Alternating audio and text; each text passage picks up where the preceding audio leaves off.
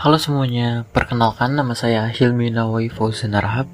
Saya mahasiswa Ilmu Komunikasi, Fakultas Ilmu Sosial dan Ilmu Politik, angkatan 2022. Di sini saya akan membahas tentang komunikasi organisasi. Yang akan saya bahas adalah chapter 15 tentang workplace relationship. Jadi, organisasi adalah jaringan hubungan hubungan interpersonal memungkinkan terjadinya aktivitas organisasi seperti motivasi, pendampingan, pengambilan, dan konflik. Akibatnya, kualitas hubungan yang terjalin antar karyawan hampir selalu dikaitkan dengan kualitas itu sendiri. Jadi di sini saya akan mengkaji hubungan yang ada dan memfokuskan pada bagaimana penelitian komunikasi organisasi, memfasilitasi studi tentang entitas, dan sebagainya. Yang saya akan bahas adalah hubungan di tempat kerja, yang di mana mengacu pada interaksi antara individu-individu yang bekerja sama dalam suatu organisasi atau perusahaan. Hubungan ini mencakup berbagai aspek, termasuk interaksi sosial, kolaborasi, komunikasi, dan dinamika tim. Berikut adalah beberapa aspek dari hubungan di tempat kerja. Oke, yang pertama adalah kontribusi komunikasi terhadap studi hubungan di tempat kerja. Kontribusi komunikasi terhadap hubungan kerja pada faktor-faktor seperti kepribadian, konteks, dan hasil. Dalam hubungan kerja juga terdapat berbagai macam fungsi komunikasi seperti penukaran, pertukaran informasi sosial, dan lain-lain. Hubungan di tempat kerja mencakup sifat timbal balik dan pengalaman hubungan di tempat kerja itu sendiri.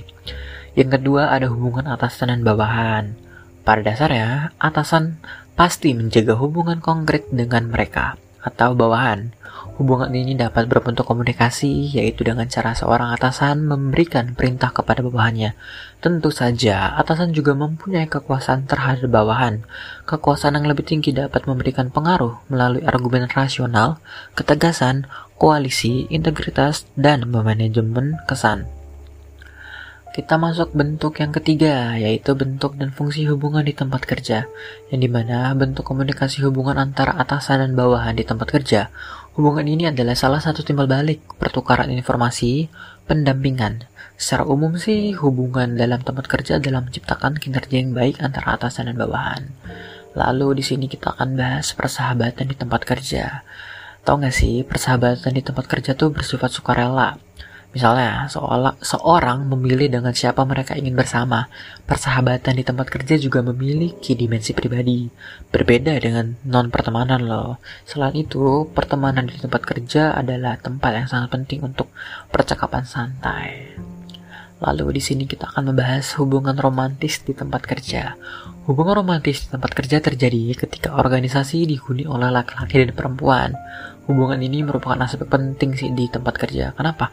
Karena hubungan ini cenderung mempengaruhi sikap kinerja rekan dan meningkatkan semangat kerja kelompok antar individu yang yang nantinya akan menghasilkan lingkungan kerja yang lebih baik dan lebih bahagia. Selain itu sih, hubungan romantis juga dapat menimbulkan dampak negatif, berupa kecemburuan antara rekan kerja atasan atau bawahan. Lalu di sini ada dinamika hubungan.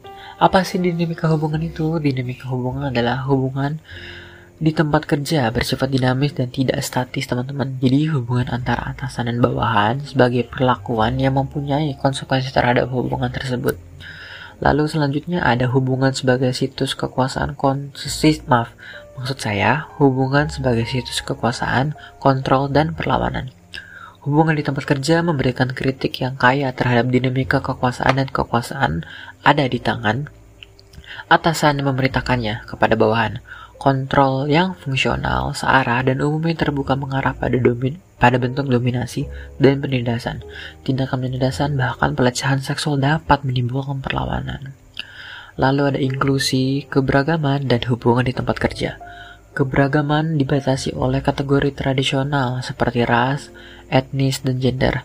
Dalam hubungan kerja, terdapat generasi keberagaman yang mempengaruhi hubungan kerja.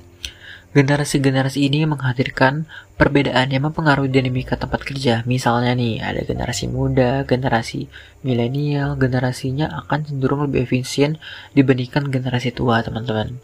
Lalu yang terakhir ada komunikasi dan hubungan romantis di tempat kerja. Hubungan romantis terus berlanjut untuk berkembang dalam organisasi. Hubungan romantis menciptakan interaksi dalam bentuk di tempat kerja. Namun, hubungan romantis ini kurang mendapat perhatian dibanding jenis hubungan di tempat kerja lainnya. Oke, saya rasa cukup penjelasan komunikasi organisasi dari saya. Lebih kurangnya mohon maaf. Terima kasih telah mendengarkan.